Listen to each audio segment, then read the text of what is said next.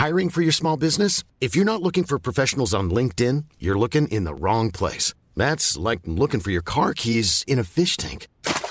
LinkedIn helps you hire professionals you can't find anywhere else, even those who aren't actively searching for a new job but might be open to the perfect role. In a given month, over 70% of LinkedIn users don't even visit other leading job sites. So start looking in the right place. With LinkedIn, you can hire professionals like a professional. Post your free job on linkedin.com slash people today.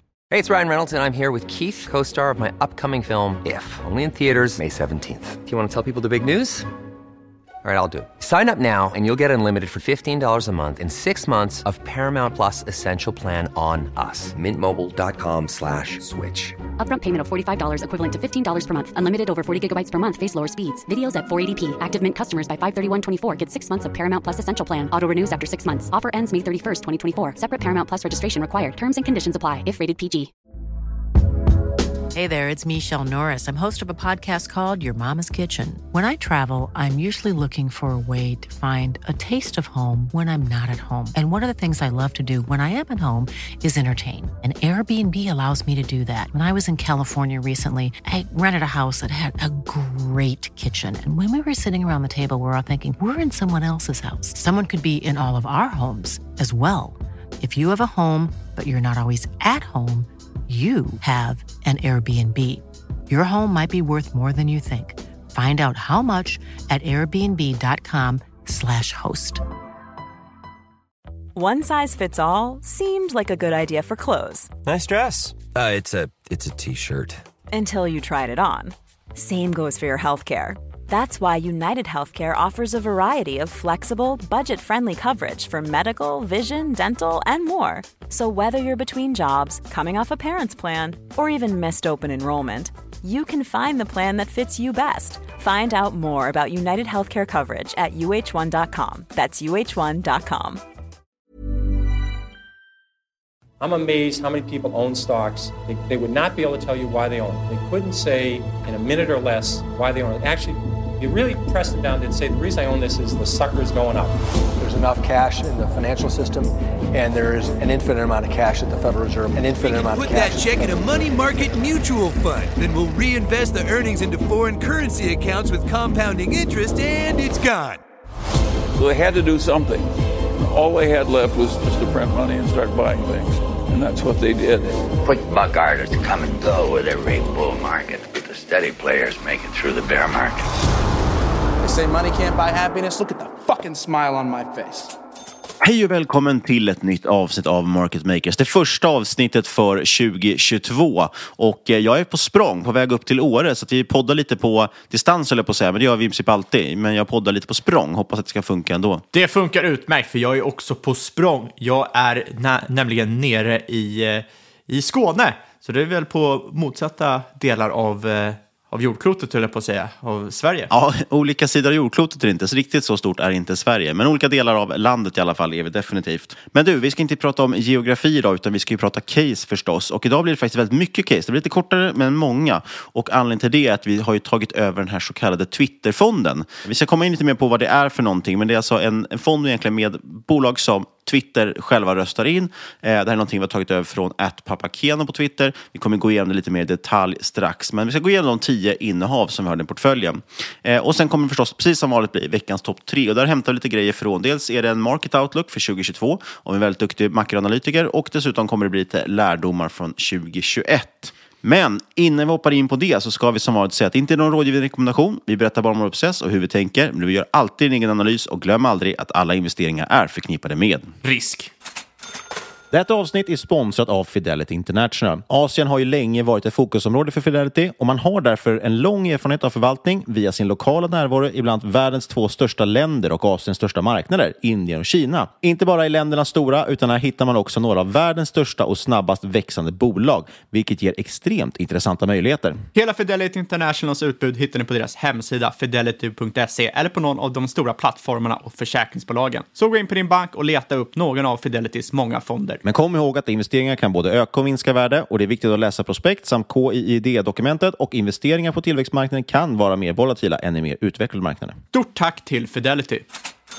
Ja, vi kan väl börja med de här veckans topp tre då. Och eh, jag tänkte ta tre grejer. Jag tänkte nå någonting lite retrospekt och sen någonting lite eh, precis här och nu och sen någonting lite om framtiden. Det låter väl bra, eller?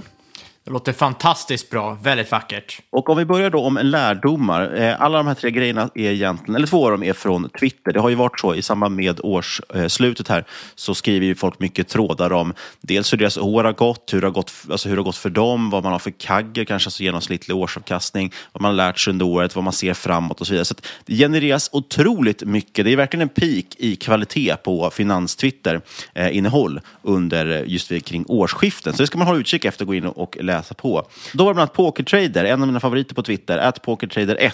Han retweetade egentligen en grej om eh, man, Bullside, en annan väldigt trevlig, duktig eh, eh, investerare, som skrev lite om att det är fantastiskt att det finns många som har så hög kagger på Twitter. Eh, och Pokertrader då pratar lite om att det finns kanske någon form av röd tråd. Vad är det som gör de här liksom, investerarna väldigt duktiga eller framgångsrika? Vad är det som har gjort att de har kunnat generera så pass hög genomsnittlig årsavkastning? Och han menar då på att den röda tråden är antagligen small cap eller kanske till och med nano cap, det vill säga att man jobbar med mindre bolag, alltså bolag med lägre börsvärde helt enkelt. Dessutom gärna också lönsamma och eller skalbara sådana. Och det är väl lite samma liksom, tankesätt som vi jobbar med. Vi har inte varit så fokuserade på att hitta small cap, alltså mindre börsvärde världen. Eh, men det finns ett stort syfte med att göra det egentligen. Och det är helt enkelt att hitta någonting som är väldigt litet så är det större chans att eh, dubbleras många gånger helt enkelt. Nu i och för sig då, så talar ju Apple mot det. Apple var ju precis det första 3 biljoner dollar-bolaget. Alltså man har ett market cap på 3 trillion dollars. Eh, och jag minns, det var ju bara något år sedan känns det som, som att man nådde en biljon dollar som första företag i världen. Och då tänkte man att det här kan ju inte dubblas en gång till för det är så otroligt mycket pengar. Men sen gjorde det det. Sen nådde det 2 biljoner dollar och nu är det till och med 3 biljoner dollar.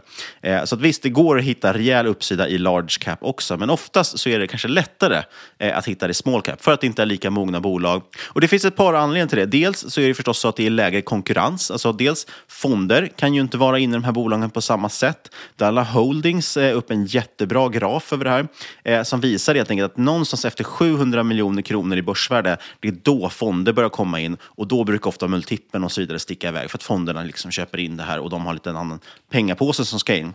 Så tittar man under 700 miljoner i market cap så hittar man saker som fonderna oftast inte får eller har hittat. De får inte ägare eller har inte hittat än. Eh, och dessutom så är det mindre konkurrens eh, bland investerare. Eh, och det har också att göra med att komplexiteten är ju lägre. Alltså ett bolag som är värt under 700 miljoner kronor är oftast ett enklare bolag. De har ofta en mer renodlad business. Eh, och det är mycket lättare. Om du spenderar, som Pokertrader sa, om du spenderar 100 timmar på ett bolag på First North till exempel, ett väldigt litet bolag, eh, då kommer det antagligen vara topp 1%. Alltså du vet liksom mest om det här bolaget i princip. Men lägger du 100 timmar på Volvo, eller Apple för den delen som jag nämnde, så är du knappast topp 1% bland analytiker som följer det, eller investerare som följer det. Så det finns absolut ett syfte att titta på mindre bolag.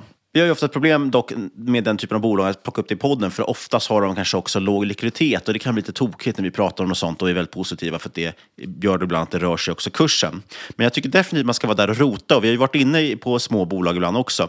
Eh, och vi gillar ju också generellt small cap och framförallt kanske mid cap. Det är mycket intressanta bolag och som inte är lika överanalyserade kanske som de här stora bolagen. Ja, sen är det ju också det här problemet att lyssnarantalet tenderar att korrelera med storleken på bolaget. för då är det fler som har talat om bolaget. Så kan det absolut vara också faktiskt. Det har jag inte ens tänkt på. Men eh, superintressant tycker jag för att titta på, gärna på små bolag, men de ska vara lönsamma. Det finns otroligt mycket skräp på de här listorna. Vi hade ju någon sån statistik någon gång i samband med någon föreläsning att vi tittade på antalet bolag som är lönsamma på, på eh, hela liksom Sverigebörsen eller Stockholmsbörsen. Eh, och då är det ändå typ 70, nu tar jag siffrorna här ur, ur, ur mitt väldigt, väldigt svaga minne, men jag får att det var 70-80 procent som är lönsamma på large cap. Går man ner de mindre listorna så blir det färre och färre och färre. Till slut är det kanske bara 20 procent eller 30 procent kvar som är lönsamma på de här minsta listorna. Och av dem så är det dessutom väldigt få som faktiskt växer den vinsten också. Och det är det man vill hitta. Man vill hitta bolag som är lönsamma eller på väg att bli lönsamma och gärna ska vara skalbara så att det snabbt liksom växer upp. Det tror jag är väldigt, väldigt intressant. Exakt, det krävs ju mycket arbete för att hitta de här äh, 10, potentiellt 20 baggersen. Precis, men jag tror ändå men där kan man ändå använda mycket screening och titta faktiskt på vad som screenar fram saker som är lönsamma på de listorna eller börja titta på saker som kanske har schyssta bruttomarginaler men inte nått vinstmarginaler än eller som håller för bättre marginaler. Det finns lite olika sätt man kan Men- titta på det där. Så att det finns nog mycket Med att screening menar du då scrolla på Twitter tills du kommer på någon tråd där någon har skrivit om det redan? ja, perfekt. Det är också ett sätt. Nästa grej jag tänkte ta upp, det är någonting som har med här och nu att göra och det har lite att göra med bara en kort eh, notering om att just januari, januari började ju väldigt starkt här. Idag är det 4 januari, det vill säga den andra börsdagen för Portföljen året. printar pengar, det är helt galet. Tills fram tills idag då, tyvärr. Idag har det vänt ner totalt, framförallt i USA då, när det USA öppnade. Eh, men första dagen var stark och generellt brukar januari vara, i alla fall kanske inte alltid stark, men det är den månaden som har mest inflöden. 134 procent av totala liksom, flöden eh, som kommer in på börsen kommer in i januari. Och det är alltså mer inflöden i januari än alla andra 11 månader kombinerade tillsammans. Så januari är månaden då folk går in och köper på börsen. Och det har väl mycket med att göra. December brukar vara nettosälj. Många rensar ut sina böcker och så vidare inför årsskiftet. Och sen så ska alla pengarna in igen i januari. Så januari brukar vara en bra period på så sätt att det kommer in mycket pengar. Så att man vill gärna kanske jag höll på att säga att man vill gärna vara fullinvesterad, men det ska jag inte alls säga att man vill vara, för att jag tänker inte ge några råd om man ska göra sin portfölj. Men det är i alla fall en intressant period och det brukar hända mycket på marknaden, både december och januari. Så det är en rolig period framför oss. Sen brukar det faktiskt vara skakigt. Det är väl mars framförallt. Tittar man på sen säsongsmönster så är det väl mars som brukar vara det mest skakiga sett till volatilitet och, och nedgångar. Sen det tredje och sista jag tänkte ta upp, det är en framåtblick för 2022. Vi har ju haft turen att få tillbaka Andreas Sten och Larsen på eh, Twitter. Han är en superduktig makroanalytiker, har varit anställd på Nordea fram till väldigt nyligen. Och när han var på Nordea så delade han inte lika mycket på Twitter av, olika, liksom, av förklarliga skäl. För att han ska framförallt berätta för deras kunder vad som händer. Men nu har han ju faktiskt sagt upp sig från Nordea och kommer då tillbaka till Twitter. Och det här var ju för en, eh, ja, det var ju en analys egentligen, en rapport de gav ut eh, under Nordeas flagg. Där de var ganska kritiska mot eh, ja, bland annat lockdowns och sådär. De skrev mycket om covid, för covid påverkar såklart makrobilden i världen. Eh, och de var då väldigt negativa till lockdowns och så vidare. Jag tyckte det var ganska mycket rimliga grejer de skrev, men man tyckte då från banken så att det där var inte okej okay, och det vart väldigt uppmärksammat det här och de fick varningar och det ena och det andra. Eh, och då valde de till slut att eh, helt enkelt eh, gå, för han tyckte att det här är, skit, det här är skitgrejer. Liksom. Jag, jag stå, han stod upp för det han tyckte helt enkelt. Eh, och han är superduktig makroanalytiker. Eh, Och han har nu gett oss sin ja, Market Outlook för 2022. Har du läst den? Jag har kikat igenom den. Jag kan inte säga att jag håller med 100% med det han säger, men den är väldigt, väldigt bra. Ja, och jag tänkte bara helt enkelt rippa den rakt av. Men såklart, följ att Andreas Steno på Twitter. Supervärt konto att följa. Nu tror jag att de flesta gör den då. Han har väl 40-50 000 följare eller någonting. Men först och främst så pratar han om att covid, menar han är i princip över nu. Det här är någonting vi har pratat om lite grann också här i podden. Eh, det är helt enkelt så att omikron-varianten är mycket mildare. Eh, han bor ju i Danmark som jag förstått det och där har man under fem omikronfall på IVA just nu. Eh, samtidigt som man har över 20 000 dagliga fall. Så att man har liksom supermånga som är smittade av omikron. Vi ser samma sak. Pratar man runt nu i Stockholm, jag hade corona i mellandagarna. Pratar man runt med andra så har ju liksom var och varannan person omikron, eller corona just nu i, i Sverige också. Men i princip ingen hamnar på IVA pratade faktiskt med en, en i släkten som jobbar just på IVA som, som eh, specialiststyrra och, eh, eh, i Stockholm. Och hon sa också att de, de vi får in just nu som är riktigt, sjuka är ju de som är ovaccinerade. Och det här gäller generellt. Virus brukar, som vi sa då, eh, det var väl förra avsnittet, brukar ju mutera mot liksom mindre smitt, eller mer smittsamt men mindre farligt. Och det är det vi ser just nu och som Andreas då menar är väldigt, väldigt bra nyheter. Men det intressanta är att han då säger att då tror ju väldigt många i marknaden att det här kommer automatiskt betyda att vi får bättre tillväxt framåt. Men det tror han att det kanske man inte riktigt ska... Eh, han tror snarare att man kommer få en surprise på nedsidan där. Eh, han tror också att inflationen pikar nu. Eh, den berodde väldigt mycket på corona-lockdowns, det låter väl ganska rimligt.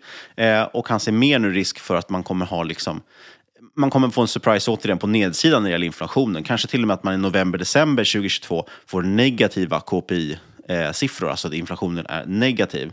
Eh, och jag har sett en del andra som pratar om det. Jag vet att eh, Jonas Thulin heter han på, på NC Bank pratar om liknande saker. Eh, och jag tror att det kan ligga någonting i det, för det känns verkligen som att marknaden, och, och det här nämnde Andreas också, att 6-9 månader sedan så var, var det liksom ingen som trodde på att, att Fed skulle höja räntorna, för man trodde att inflationen kommer aldrig komma. Sen pang var den här och då liksom sa Fed att den är transitory och man skrattade helt plötsligt att det är transitory. Nu är inflationen permanent, trodde alla. Eh, och ofta har konsensus faktiskt fel i sådana här saker. Eh, så nu är det liksom inprisat att inflationen ska fortsätta. Men jag, vet inte, jag tycker att ändå det känns rimligt att det faktiskt skulle kunna falla tillbaka rejält. Eh, Andreas menar på att han var den enda som, som kolade för eh, räntehöjningar under 2022 och då skrattar folk åt det. Och nu tycker jag plötsligt att alla hade jättenaturligt. Han tror snarare att inflationen kommer pika, eller gå ner igen, den pikar nu och därmed kommer inte de här räntehöjningarna kunna ske. Kanske några av dem, men inte allihopa. Ja, det, det är rätt intressant i liksom kölvattnet av corona, eller vad man säger, att eh, alla... Kölvattnet Köl, kölvattnet, förlåt, jag bor inte i Sverige längre. Eh, men, men, men, men att de här eh, deflatoriska grejerna som samhället är utsatt för. Vi har liksom åldrande befolkning, vi har teknologi, vårt samhälle har blivit allt mer teknologiska, allt det här som är deflatoriskt som folk egentligen har pratat om de senaste tio åren. Det har lite bara försvunnit sedan corona och folk sitter och hamrar in i att, att det är inflation för att ja, Fed och helikopterpengar och så vidare. Men det här ligger fortfarande kvar och tickar på. Så att jag har också rätt svårt att se att vi långsiktigt skulle eh, utsättas för en långvarig inflation. Jag är helt enig med dig där. Eh, och jag tror också att mycket av inflationen faktiskt är transitory och den beror på just de här coronaproblemen helt enkelt. Eh, vi har haft, sett mycket av det som driver inflationssiffrorna har ju varit till exempel oljepriser som gått upp, elpriser som gått upp och så vidare. Och många av de där sakerna har, finns det nog lösningar på. Slutligen då, Andreas menar sl slutligen att det här betyder att man ska vara lång amerikanska dollarn, långa, lång långräntor eh, och dessutom lång growth och tech. Eh, och det gillar ju vi väldigt mycket förstås. Sen tycker jag att man kan plocka bort lite marker från bordet när det gäller eh, råvaror och faktiskt också krypto. Så det är lite intressant. Eh, så att, enligt honom låter det som att amerikansk tech kommer bli grejen och det är väl det vi pratade lite om senaste avsnittet, eh, eller om det var för, förra avsnittet, just det här med FANG-aktierna och så vidare. Det känns som att de börjar bli väldigt heta i mångas bok. Så det var lite vad som har hänt, hur, vad det är för nuläge och vad man ser framåt från tre stycken olika personer. Och med det tycker jag vi ska hoppa in på veckans case, eller vi ska prata om Twitterfonden egentligen. Ja, så vi nämnde i introt, så inför 2022 så drog vi igång ett nytt koncept som egentligen var att vi tog över ett koncept från Pappa Keno på Twitter. Där vi efter en omröstning från Twitter tar in 10 aktier för 10 000 kronor styck, alltså det här är riktiga pengar som ligger och tickar eh, i en portfölj. Och tanken är att man varje månad ska kunna rösta ut en aktie och rösta in en annan aktie, så du får lite rullians här.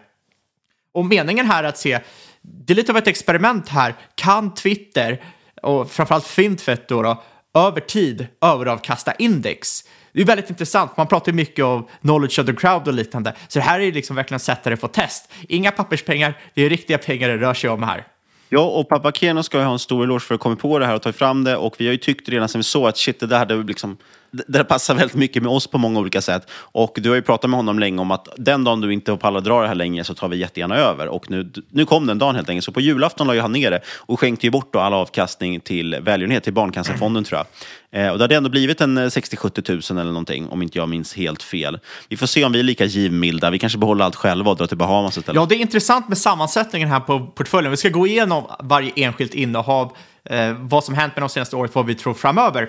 Men innan vi gör det kan vi konstatera att det, det är många som historiskt har presterat väldigt, väldigt bra. Många som ni troligtvis har hört i podden tidigare. Och sen många som är lite mer under ytan, men som har blivit, börjat bli lite av bubblande snackisar. Ja, och jag tänkte bara backa ett steg här. Jag tycker att som sagt, det är väldigt intressant att diskutera tanken bakom den här portföljen. Pappa drog ihop den här, vad jag har förstått oss för att just som du säger, testa hur bra är egentligen Eh, ja, men hur bra är finanstiteln? För det är ju många tycker jag ibland som, som tror att det är någon stor slags bubbla eftersom att alla äger samma saker på Twitter. Men Twitter är ändå en ganska liten liksom, eh, grupp människor. De representerar verkligen inte snittinvesteraren och investerare överlag. Eh, så att han lät ju helt enkelt att låt investerarna på Twitter bestämma vad som ska ingå i den här portföljen, ta det som det snackas mest om eh, och se hur det presterar. Är faktiskt Twitter bra på att vaska fram case? Och det har de ju varit. Sen, sen måste man ju ta hänsyn också att det här kommer ju vara lite skewed. Att vissa aktier kommer ju folk rekommendera mer, sen kommer det vara vissa människor som går in och kommenterar vilket bolag de vill ha framför andra. Så det kan ju vara vissa aktier som faktiskt snackas mycket om på Twitter, men de som då äger inte tar sig tiden att kommentera på eh, våran tråd vi la ut. Så det måste man ju såklart också ha hänsyn till. Men över tid förhoppningsvis kommer det här komma in, rulla på så att det blir mer jag menar, verklighetstroget till vad som faktiskt snackas om på Twitter. Ja, precis. Jag tänkte bara avslutningsvis säga om eh, just Papakenos portfölj så presterade den ungefär 50 procents avkastning sedan den startade 7 september 2020. Så det är inte en jättelång period, men index under den samma period gick knappt 30 procent. Så man har gjort en ganska grav överavkastning mot index. Eh, sen har man haft lite annorlunda sätt att eh, plocka fram innehaven och våra innehav, vi har vi, vi diskuterade, ska vi liksom bara ta över exakt samma innehav som, som han har eller ska vi rösta fram nya? Och vi tyckte det var roligare att rösta fram nya innehav. Men det är flera stycken som, som överlappar där eh, och flera innehav som har funnits med i den här förut. Så det känns ändå som att de, de innehav vi har vaskat fram har ändå, liksom, tycker jag, stämmer ganska överens om, väl överens med det här. Eh, och Papakian har ju kört så att det är väl en gång per månad så ska ett ut och ett nytt in. Ja, men skillnaden mot hur han körde och vi kör, Papakeno gjorde så här att han ville att alla bolag skulle vara minst, i portföljen minst ett år.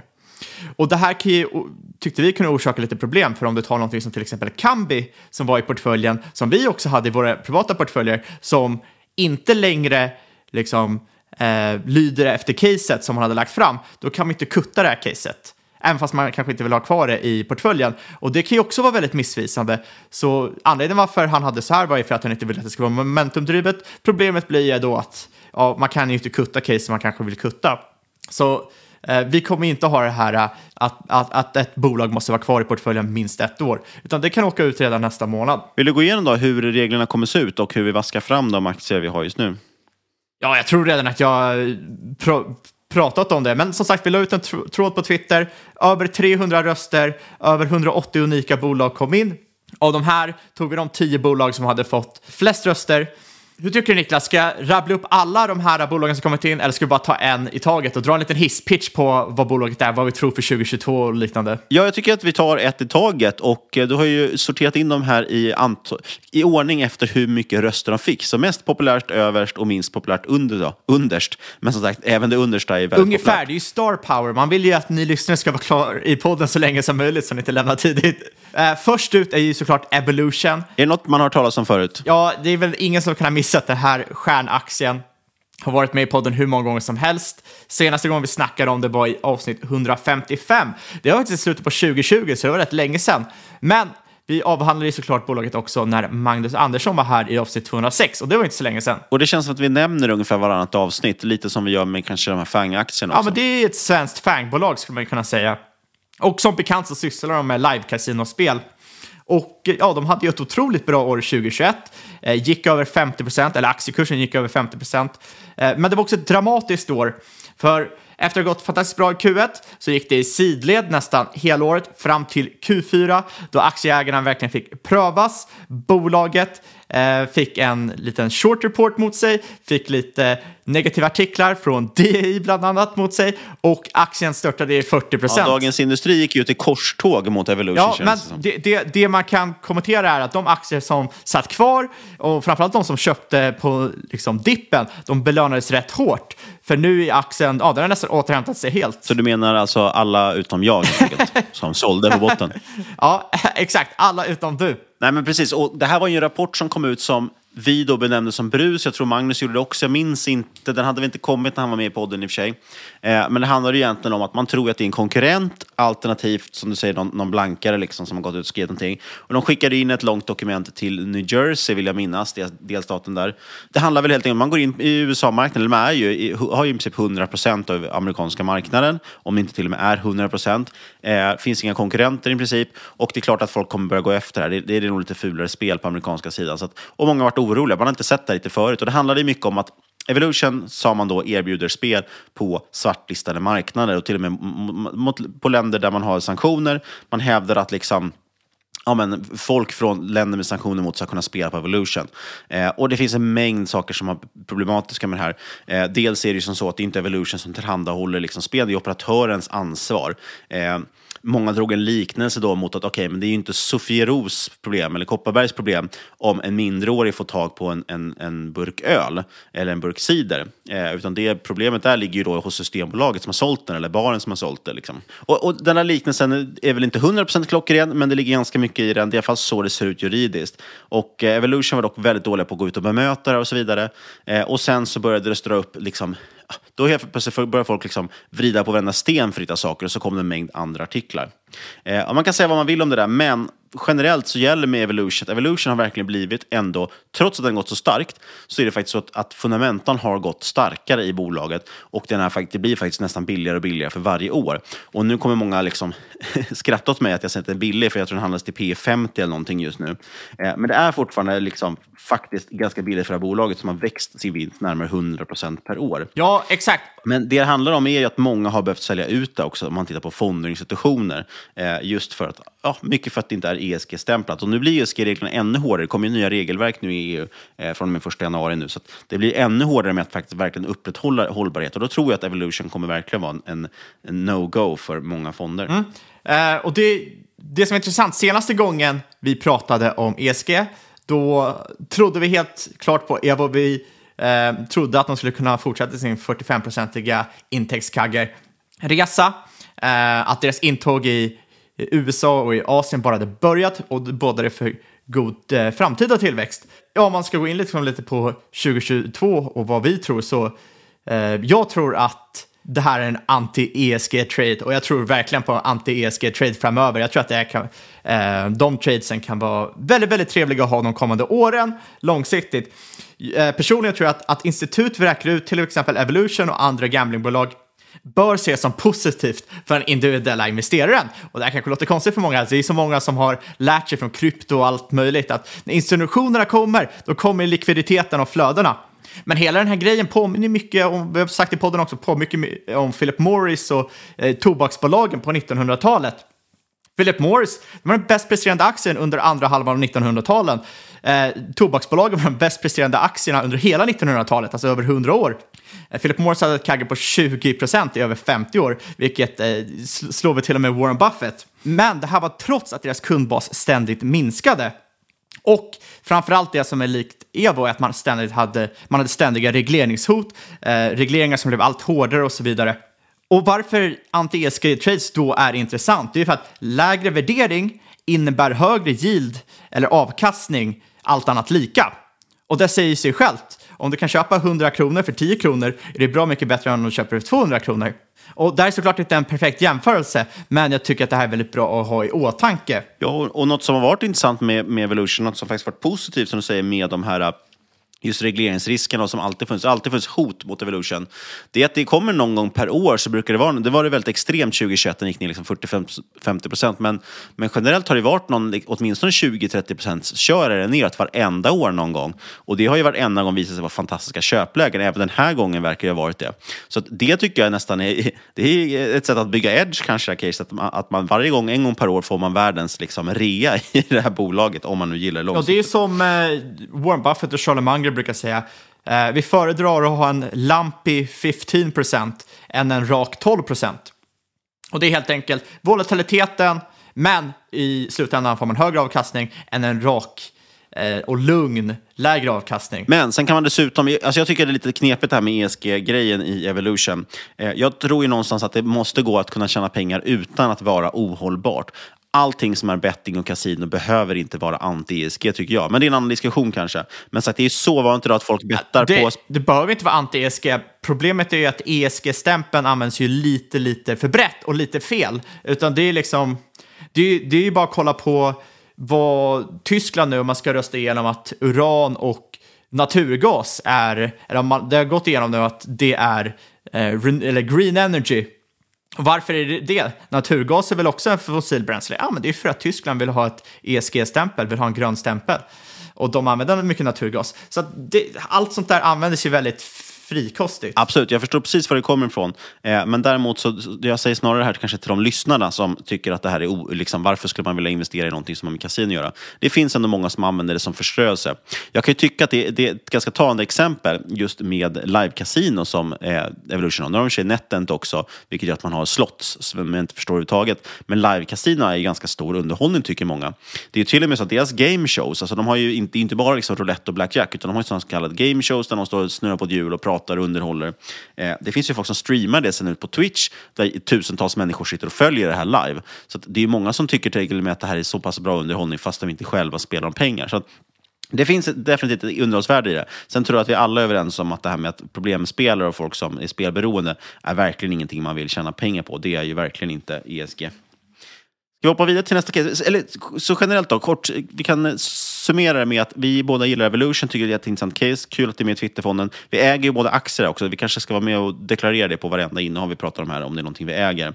Eh, och vi tror att själv, båda två tar här nog en aktie som går bra 2022 och lär bidra till Ja, jag kan ju säga att vi har ju det i vår bolagsportfölj, men jag har ju inte Evolution i min privata portfölj. Ja, men det har jag. Ja, jag, har, eh. jag har faktiskt inga av Twitter-portföljens bolag i min privata portfölj, vilket är rätt intressant. Så det blir lite Fabian versus Twitter. Ja, sen rent tekniskt i och för sig nu, vi har ju tekniskt sett alla de här bolagen i bolagsportföljen eftersom vi har dem, vi nu förvaltar Twitter-portföljen. Men det är inte jättemycket pengar det handlar om. Men däremot så kan vi nämna vilka vi har i bolagsportföljen, liksom den, den andra bolagsportföljen och om vi har någonting privat. Vi hoppar vidare till nästa innehav och det är ju Embracer. Ja, de har ju minst sagt haft ett tufft år 2021. Aktiekursen låg väl flat hela året. Eller i alla fall om man räknar från början till slutet. Det är så man brukar räkna. Ja, jo, jo, jo, men om, om man kollar där mitt i Q2 eller Q1 eller någonting, då, då såg det lite annorlunda ut. Det var ju verkligen 2021 i ett nötskal. Att första halvåret så gick ju alla de här techaktierna som var darlings 2020 också, gick ju superbra. Alla på Twitter slog sig för bröstet och sen bara totalkraschade allting samtidigt som, som allt som Twitter-folket ägde. Samtidigt som eh, Eh, liksom index och tråkbolagen och så vidare gick rakt upp i taket. Eh, och det var ju verkligen Embracer Evolution. Det var ju många man såg som i princip var all in i Evolution och Embracer eh, på Twitter. Så det var väldigt, väldigt eh, jobbigt det sista halvåret för många på Ja, Twitter. och senast vi pratade om Embracer, det var ju avsnitt 195 i augusti 2021. Då var vi generellt rätt positiva till bolaget.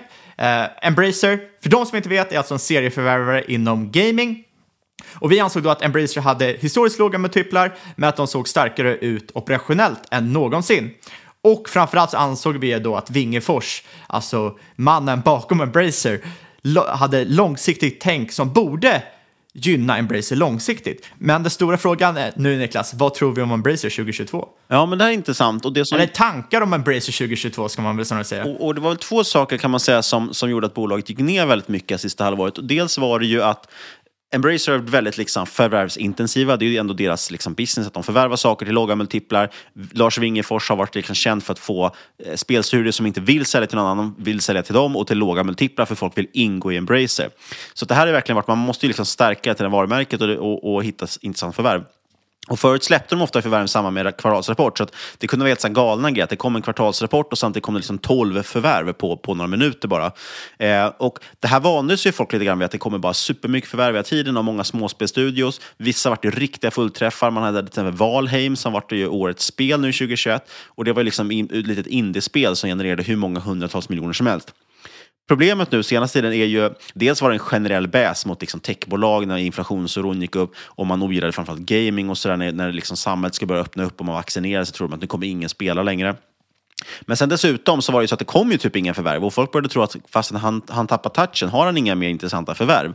Eh, sen då och då portioneras det ut något ganska stora förvärv och som var väldigt spretiga. Det senaste nu var ju eh, Asmodee eller Asmode eller vad man nu vill kalla det för någonting. Som är ett brädspelsbolag. De har Settlers of Catan, Ticket to Ride och så vidare. Superintressanta brädspel som säkert har mycket synergier med eh, med spel. Och, och, men det här tyckte folk var jättekonstigt. Varför köper man brädspel? Man skulle ju vara ett gamingbolag. Eh, och varför köper man det här? Det, han, man tycker att det är liksom en gammaldags business. Eh, men det var ju samma sak när de köpte Koch Media som till största, del, till största del faktiskt hade fysisk distribution av spel. Då skrattade man åt det också och det har ju visat sig bli ett väldigt bra förvärv i slutändan. Sen köpte de ju också serietidningsbolaget Dark Horse. Och det är väl liksom lite som brädspelet. Det går väl lite hand i hand med tv-spel, men det är också lite spretigt. Det tar ju delvis Embracer från ett dataspelskonglomerat till kanske lite mer av ett nördkonglomerat. Man får väl tycka vad man vill om det, men eh, det jag tror att många investerare är rädda för är att tillväxten långsiktigt kommer ta stryk om man har en alltför bred och för eh, spretig portfölj. Ja, men sorry. Nördkonglomerat är ett bra sätt att sammanfatta det på. Man kanske måste se Embracer på ett annat sätt. Eh, jag ser att många har liksom tröttnat på Embracer, men jag ser också vissa som har fått upp ögonen för Embracer nu när det inte bara är gaming i det. Eh, så jag kan tänka mig att det här ändå ligger i Lars strategi. Han är ju en samlare av rang, så att han gillar nog att samla på bolag också. Eh, Eh, det som varit intressant i fall, det är väl att den har ju verkligen, verkar ha bottnat ur totalt och nu börjat öka igen. Och många har jag sett lagt upp det här som sina favoritcase inför 2022, därav att den passar in bra i Twitterportföljen. Eh, och sen kan man verkligen diskutera, ett bolag som är serieförvärvare, de förvärvar ofta med, betalar mycket med egna aktier. Eh, när aktiekursen gick ner, det var det jag var orolig för och gjorde att jag faktiskt sålde ut mina privata aktier i alla fall, eh, var att går aktiekursen ner för mycket, jag sålde den också på botten förut, eh, om, jag, om det går ner för mycket Eh, Eh, men det är ett problem just att när, när aktiekursen går ner i ett bolag som betalar mycket mer egna aktier, ja, då tappar man ju värde helt enkelt i den egna interna valutan. Men nu när det går upp igen, ja, det, det blir liksom lite självförstärkande. Nu när det går upp igen så blir det plötsligt väldigt intressant att få Embracer-aktier. Så att, ja, jag tror också att de kan ha ett väldigt intressant 2022. Vi har ju kvar det här i bolagsportföljen också, ska tilläggas. Eh, och vi gillar bolaget framåt. Vi gillar framförallt Lars Wingefors, tycker han har gjort ett fantastiskt bygge. Men jag tror verkligen det man kanske ska ta med sig där, det är att jag tror inte det kommer bli en lika fantastisk liksom, compounder som tidigare. Just för att de måste helt enkelt förvärva större och större saker eller fler och fler saker för att visa någon form av tillväxt via det. Och det där är knepigt.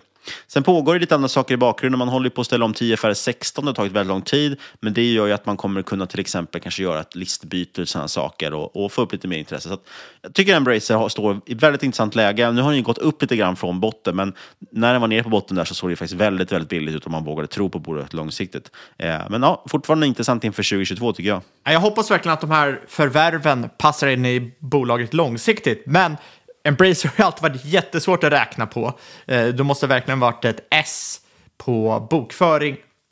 Och jag tycker nu när du har en allt bredare portfölj med olika typer, inte bara olika typer av spelbolag, utan också olika typer av nördbolag, eller liksom olika typer av mediebolag, gör att det blir ännu, ännu svårare att eh, räkna på och förstå sig på.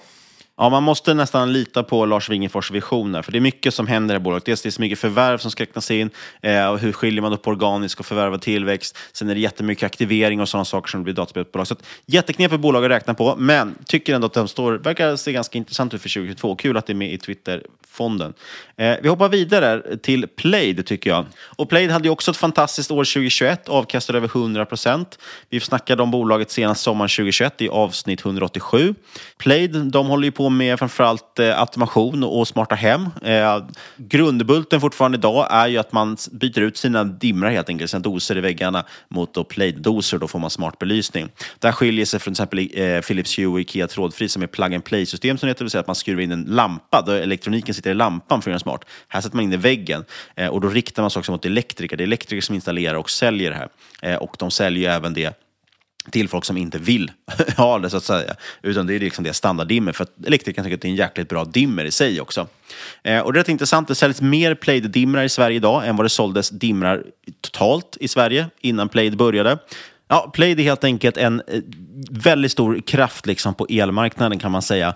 Och eh, vi ska inte gå in för mycket på detaljer egentligen kring vad bolaget gör. Då kan man ju lyssna som sagt på avsnitt 187. Det går i alla fall väldigt, väldigt bra för Plaid. Man expanderar också till nya marknader. Vissa av dem tar lite tid, men i princip är ju Norge lönsamt som jag förstår. Det händer ganska mycket saker där. Men det kommer också, man expanderar till Holland, Finland och lite andra ställen också. Sen finns det en, en fråga här, liksom, hur man ska växa. Man, man pratar ju mycket om in, eh, man pratar mycket om multidimensionell tillväxt i Plaid. Man, dels att man växer liksom med nya produkter, med nya kategorier, men också att man växer på flera marknader, så man får liksom tillväxt på flera håll. Men det finns väl alltid vissa frågor här. Dels vad är de nya produktkategorierna? Där kan man kortfattat säga att Plaid kommer ju egentligen från att man höll på med automation på sådana stora båtar, alltså yachts. Eh, och så man kan automatisera mycket, mycket mer än bara belysning. Men man valde när man gick in på liksom, eh, husmarknaden, så att säga, eller hemmarknaden, man ville börja med belysning för det kändes som det, mest, det folk var mest redo för. så att säga.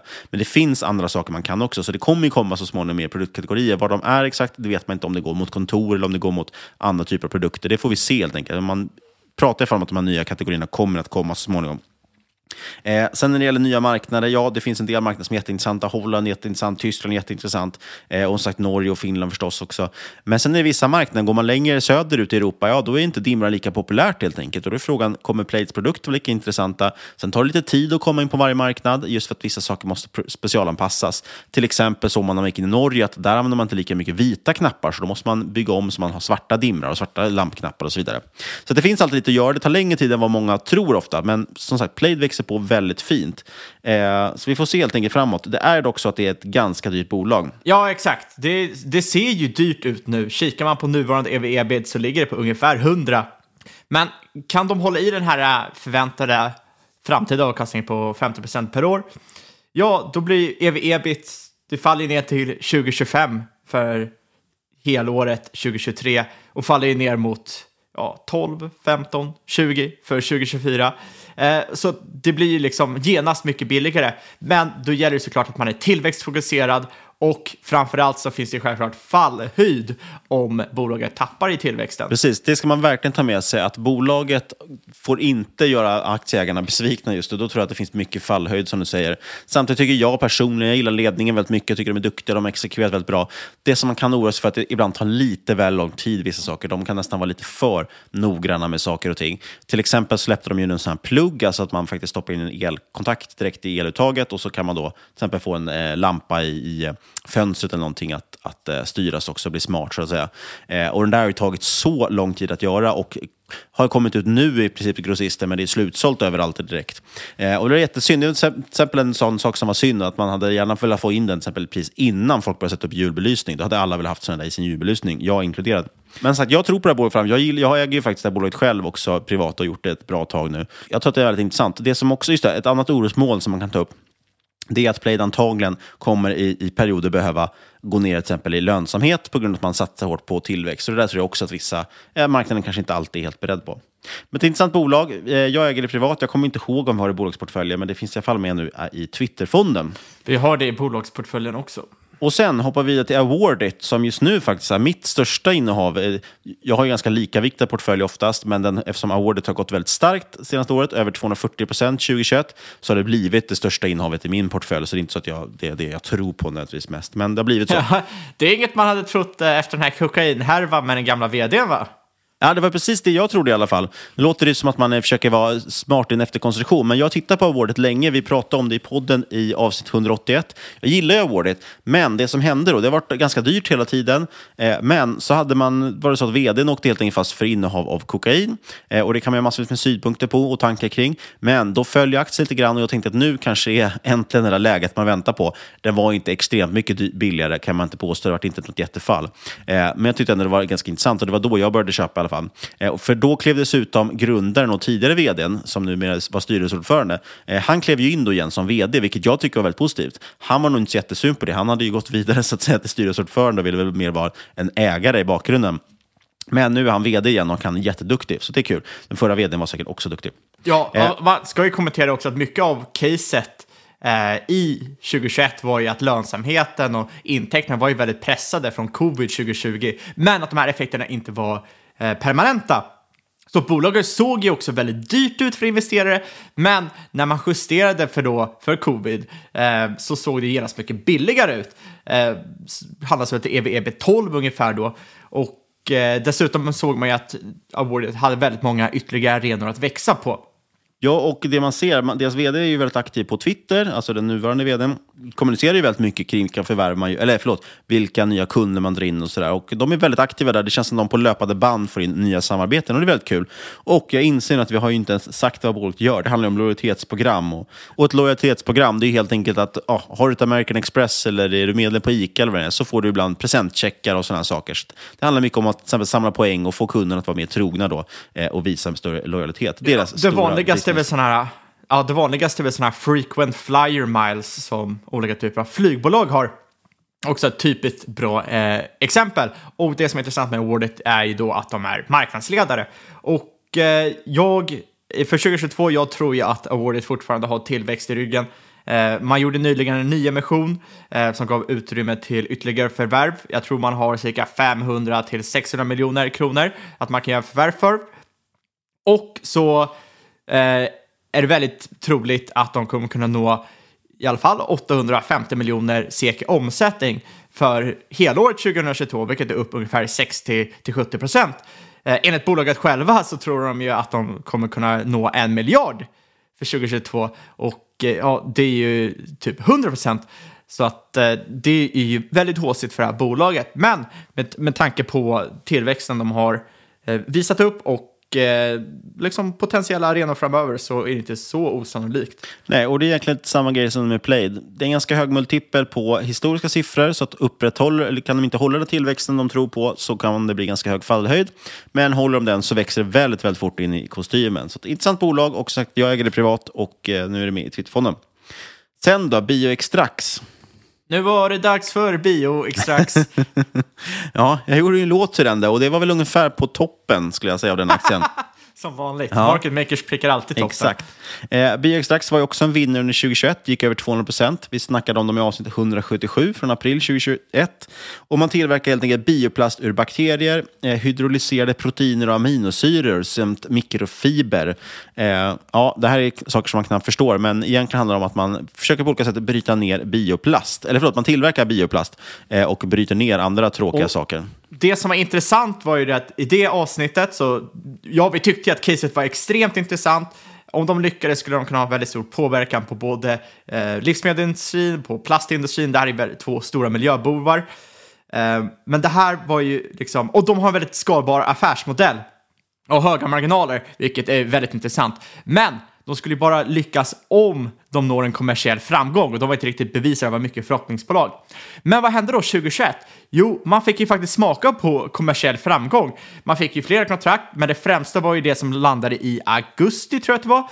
Där eh, det fick ju aktien att skjuta 150% på en dag och de landade ju då ett 25-årigt licensavtal med Full Cycle Bioplastics och avtalet började generera intäkter från och med 2021 och eh, rampar upp mot en miljard från 2026, en miljard per år från 2026 och framåt i årliga intäkter. Och eh, det här är ju otroligt intressant. Så även fast eh, BS Extracts är ett väldigt litet bolag på under en miljard kronor eh, så är de i och med de nya avtalen som de har knutit liksom ännu mer intressanta tycker jag nu än innan de gi- gick upp några hundra procent. Eh, för det känns som risken har kommit ner rätt mycket i det här bolaget. Precis, vi får se. Men det är fortfarande ett ganska högrisk-case får man säga. Men definitivt en Absolut, det är, Twitter-favorit. fort, det är fortfarande ett förhoppningsbolag utan tvekan, speciellt när det är så här litet. Men de har ju lyckats bevisa sig, i alla fall lite grann, men genom att kunna knyta lite eh, kommersiella avtal. Verkligen. Eh, ingen av oss äger det just nu, men det finns med i Twitterfonden som sagt.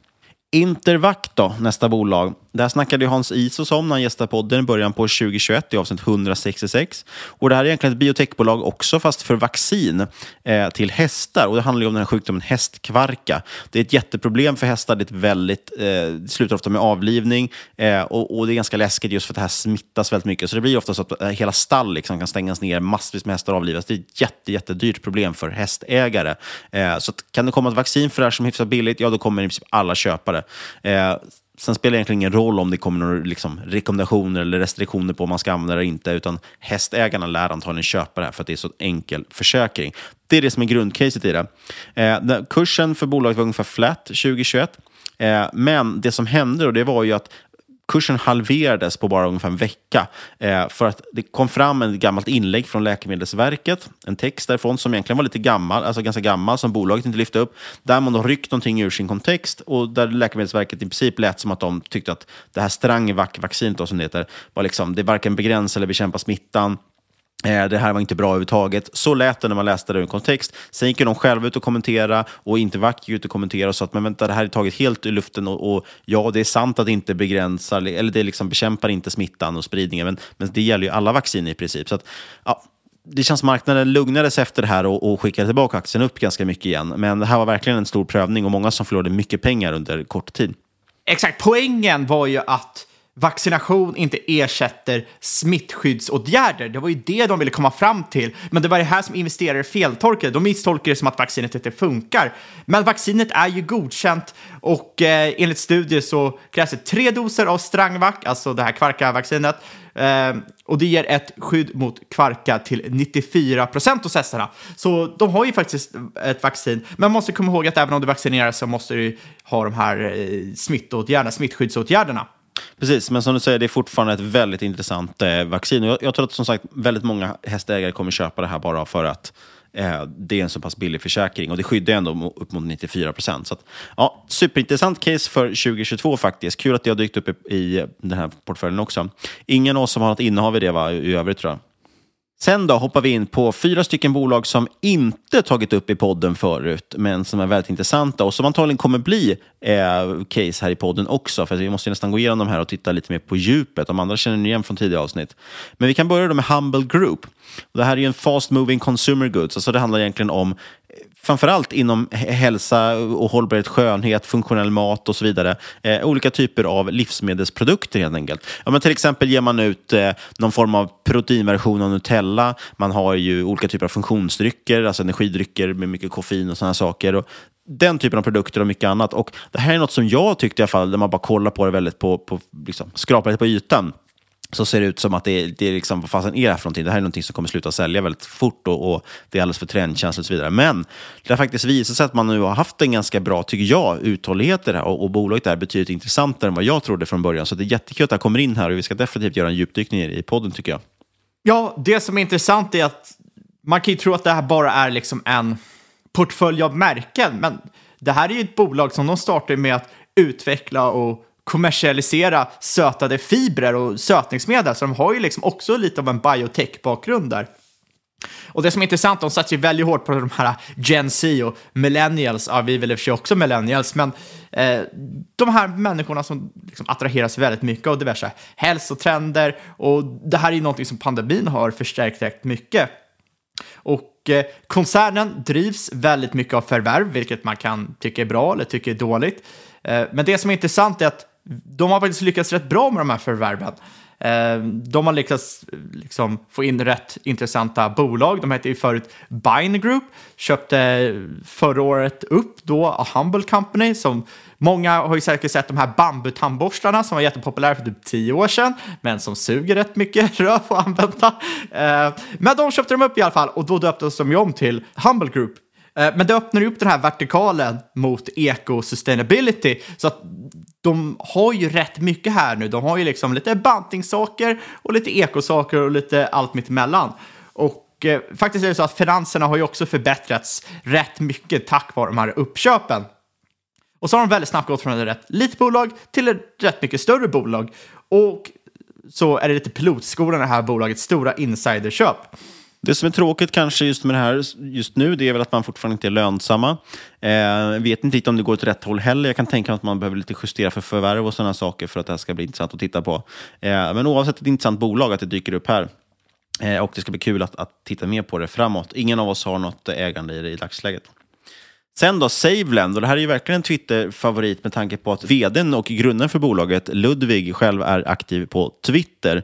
Eh, och man jobbar egentligen inom krediter och bolagsfakturering. Grundbulten är väl det här just liksom, egentligen lån som man ger ut. Man kan investera i lån på deras sajt. De har också ticken yield, helt enkelt för att man får yield på sina pengar. Så man kan gå in där och investera mot lån och man får väl säkert 6-8% ränta eller någonting på de här. P2P-krediter som det heter. Så faktiskt majoriteten av eh, den här portföljen är fastighet och företagskrediter och man väljer då själv om man investerar i det och så vidare. Jag ska säga att jag inte är superbevandrad i deras plattform.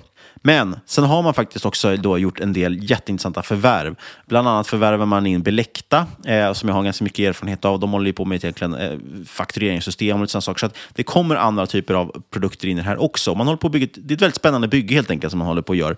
Eh, tanken är att skapa ett heltäckande ekosystem för krediter. Man växer 60 procent nu i Q3. Man har ett omsättningsmål på 300 miljoner SEK för 2025, så det är inget jättestort bolag idag. Eh, och man gick nyligen in i Finland också. Eh, upp ungefär 25 procent sen teckningskursen, men den står väl ungefär flat från vad den faktiskt noterades på. Jättespännande. Jag har ingen riktig syn på det här inför 2022, förutom att jag sett väldigt många duktiga eh, investerare ja, välja det här som ett av sina, sina top picks inför 2022. Det är väl därför också den kvalat in i den här portföljen. Ja, det är, det är intressant, för det är en snabbväxande, ett snabbväxande bolag med en väldigt unik produkt. Eh, eller, ja, det finns väl flera konkurrenter på sitt sätt, men när det uppkom i alla fall i, liksom, eh, Eh, under finanskrisen, då var det en väldigt eh, unik produkt. Och det är fortfarande rätt unikt i det att det är rätt många privatpersoner som inte sitter och handlar krediter, många handlar i aktier. Sverige är ju liksom ett aktieland. Eh, men kikar på USA, då är det ju mycket, liksom, det är rätt vanligt då att folk handlar krediter till exempel och har lite mer bonds och grejer i portföljen som här fortfarande är rätt eh, eh, ovanligt, speciellt hos den yngre generationen. Eh, så jag, jag, jag tycker Saveland är intressant, inte för att jag äger det själv, men det har varit väldigt intressant att eh, läsa på om. Nej, definitivt intressant och där ska vi också djupdyka i framåt. Och framförallt tror jag det som kanske skiljer dem från konkurrenterna det är väl att de har just Ludvig vid rodret som verkar vara väldigt, väldigt duktig tycker jag väldigt driven. Ska vi hoppa vidare till näst sista bolaget som också rent eh, alfabetiskt borde hamnat sist och det är Signsec. Ja, men vi sparar alltid det bästa till sist. Ja, men precis. Och det här är en SaaS-plattform, det gillar ju vi, för identifiering, verifiering och avtalssignering av nya kunder. Eh, det här är ju lite som man pratar om att det är lite onboarding och många jämför ibland med check-in och tror att de konkurrerar med varandra. Men det är väl inte riktigt samma sak. Signsec fokuserar mer på signeringar och så vidare och, och på just få till avtalen eh, och mycket kring know your customer och verifieringslösningar och så vidare. Som jag har förstått det, eh, man har ju SaveLend som kund bland annat, eh, vilket är lite kul. då det är väl det som kanske är lite problemet med det här caset. Det finns ju verkligen ingen ESG-stämpel på det. är mycket sådana kreditlösningar och det är mycket online-casino som jag har förstått det, som mycket använder den här produkten. De vill ha snabba upp, eh, uppsigningar av kunder helt enkelt. Men ett intressant bolag, tjänar väl inga pengar, precis som Savelend för övrigt också, går ju fortfarande med förlust som jag har förstått det. Det finns kanske någon, någon justering man måste göra som inte jag har sett, för att jag inte har grävt i det. Eh, men det är väl det som jag har haft lite svårt för med det här bolaget. Men annars väldigt intressant, många som tycker om det. Eh, aktiekursen ned dock typ 30% under 2021 och det har väl mycket att göra med att det har varit en extrem värdering, eh, mycket förhoppningsvärdering på ett bolag som ännu inte riktigt har levererat och sen kraschade liksom all form av growth under 2021 i slutet. Det som är intressant med bolaget är att det är liksom en one-stop shop för eh, KYC och verifieringslösningar. Och där är faktiskt rätt, rätt komplext för att när du ska expandera från till exempel land till land eller liksom in i olika industrier, då krävs det olika saker. Och eh, liksom tidigare kan det här betyda att du måste ha jättemånga olika produkter att ta hand om och det kräver ju rätt mycket administration och liknande. Men det här löser ju då Signsec åt dig i sin eh, SAS-lösning som är, eh, du kopplar in i deras API helt enkelt. Och det tycker jag faktiskt är rätt intressant och de har ju haft extremt bra tillväxt, knutit väldigt många intressanta kunder.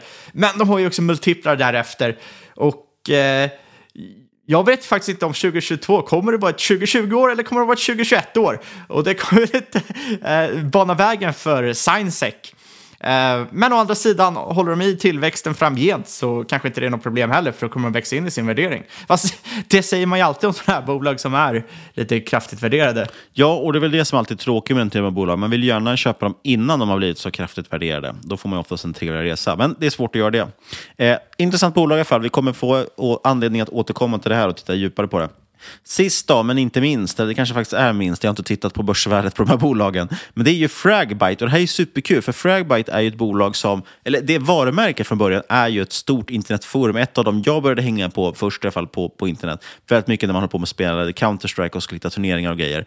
Eh, men man har ju utvecklats långt från det här forumet. Forumet finns fortfarande kvar, men idag är det ju en koncern inom e-sport och gaming. Fick faktiskt samtal med vdn för ett tag sedan och det var rätt intressant. Han pratade om just den transformation de har gjort, varför de har behållit just varumärket Fragbite. Problemen det har gett också, där väldigt många investerare just tror att det här bara är ett gammalt e-sportsforum. Varför skulle man vilja investera i det? Men de håller på med mycket, mycket mer. Eh, I dagsläget utvecklar man spel, man driver spelplattformar, varumärken som Funrock, Playdigious, Prey Studios. Så det är ett förvärvsdrivet bolag. Där. Det kommer handla om att förvärva e liksom, olika typer av e-sports eh, eh plattformar och så vidare, men också framförallt eh, gaming-studios. Ja, det, så, mm. det är kul, för går man in på Fragbite då ser det ju exakt likadant ut som det gjorde 2004 när man först gick in där. Uh, ungefär... Ja, det är väl att de har adderat en tv-kanal, det är väl i princip det. Uh, uh, Annars är det faktiskt exakt samma grej. Det var ungefär samtidigt som jag körde ett pickup game mot gamla SK Gaming uh, på Inferno Online. Det är en liten fun fact, och de som inte vet vad SK Gaming är, de är rätt unga nu antagligen, men det var ju den tidens Ninjas in Pyjamas. Eller precis. Nick som det heter. Ja, det var ju där Heaton äh, dök upp också. Världens bästa C-spel får man väl ändå sätta ner. Och äh, varit med i Mästarnas Mästare och lite sådana saker nu för tiden också. Men det här är ett intressant bolag. Jag tror det ska bli också bolag tror jag man måste gräva lite grann Det finns inte så mycket historik. Det ser inte så jättekul ut på dagens siffror. Men frågan är helt enkelt vad man kan göra framåt. Här. Vad kommer de förvärva för någonting? Det kan vara ett intressant play om man vill hitta lite mer nanocap förvärvsbolag och speciellt få någon form av e-sportsriktning. Det tryckte vdn och en, en investerare pratar med väldigt mycket på att det här är ett av få kanske liksom renodlade e-sportsplays som kommer komma nu till börsen. Eh, så det här kan bli väldigt intressant faktiskt på sikt. Eh, men eh, just i dagsläget har, tycker jag att man fortfarande har en hel del att bevisa. Men kul att de kommer in i Twitterportföljen och som sagt kommer bli superkul att följa. Och det var egentligen alla bolag vi skulle gå igenom. Det vart eh, väldigt mycket eh, information om bolagen och vi kommer sagt några av de här kommer vi, har vi ju tidigare avsnitt om som vi har refererat till eh, och några kommer vi att prata om i framtida avsnitt antagligen för att gå igenom lite mer på djupet. Och vi håller på att kolla lite på lösningar för hur man ska kunna följa den här portföljen. Just nu kikar vi på att, att ha en månadssammanställning. Den tidigare portföljen fanns ju på Sharewill. Det finns ju dock ett problem att då måste man liksom ha ett inlogg på Sharewill och det är inte alla som har det. Eh, och framförallt är det ett problem att eftersom vi äger den här i vårt bolag så och det går helt enkelt inte att visa ett bolagsportfölj på Sharewill. Eh, så det går rent tekniskt inte. Vi håller på att kolla på lite andra lösningar vi ska göra på ett smidigt sätt. Men om inte annat så kommer man som vanligt kunna följa oss på Twitter, eh, att Marketmakerspod på Twitter. Och då kommer man därigenom få också månadsvisa uppdateringar för hur det går för Twitterportföljen. Och man ska ju också in där och följa förstås, för då kommer man ju få vara med och rösta på den här portföljen. Ja, det är givet att ni ska gå med i Twitter, för där kommer ni hitta bra mycket bättre case än vad ni kommer göra på Facebook. Apropå Facebook och apropå Twitter så måste vi bara snabbt också kanske nämna det här med aktier som vi har investerat i och pratat om här i podden, axyer.com.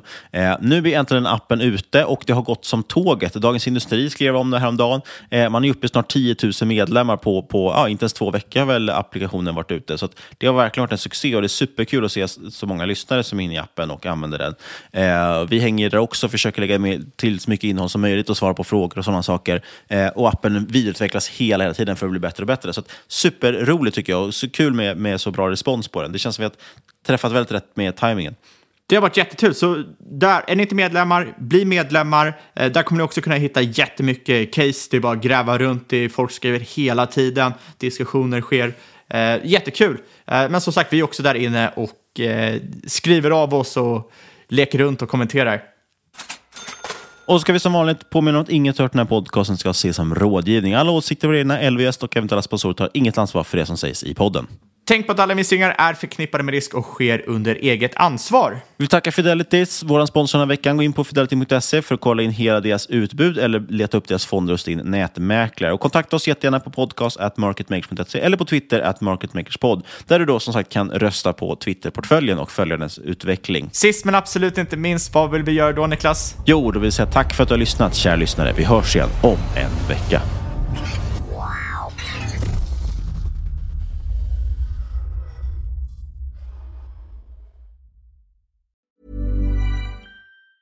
Mom deserves the best, and there's no better place to shop for Mother's Day than Whole Foods Market. They're your destination for unbeatable savings, from premium gifts to show-stopping flowers and irresistible desserts. Start by saving 33% with Prime on all body care and candles. Then get a 15-stem bunch of tulips for just $9.99 each with Prime. Round out Mom's menu with festive rosé, irresistible berry chantilly cake, and more special treats. Come celebrate Mother's Day at Whole Foods Market.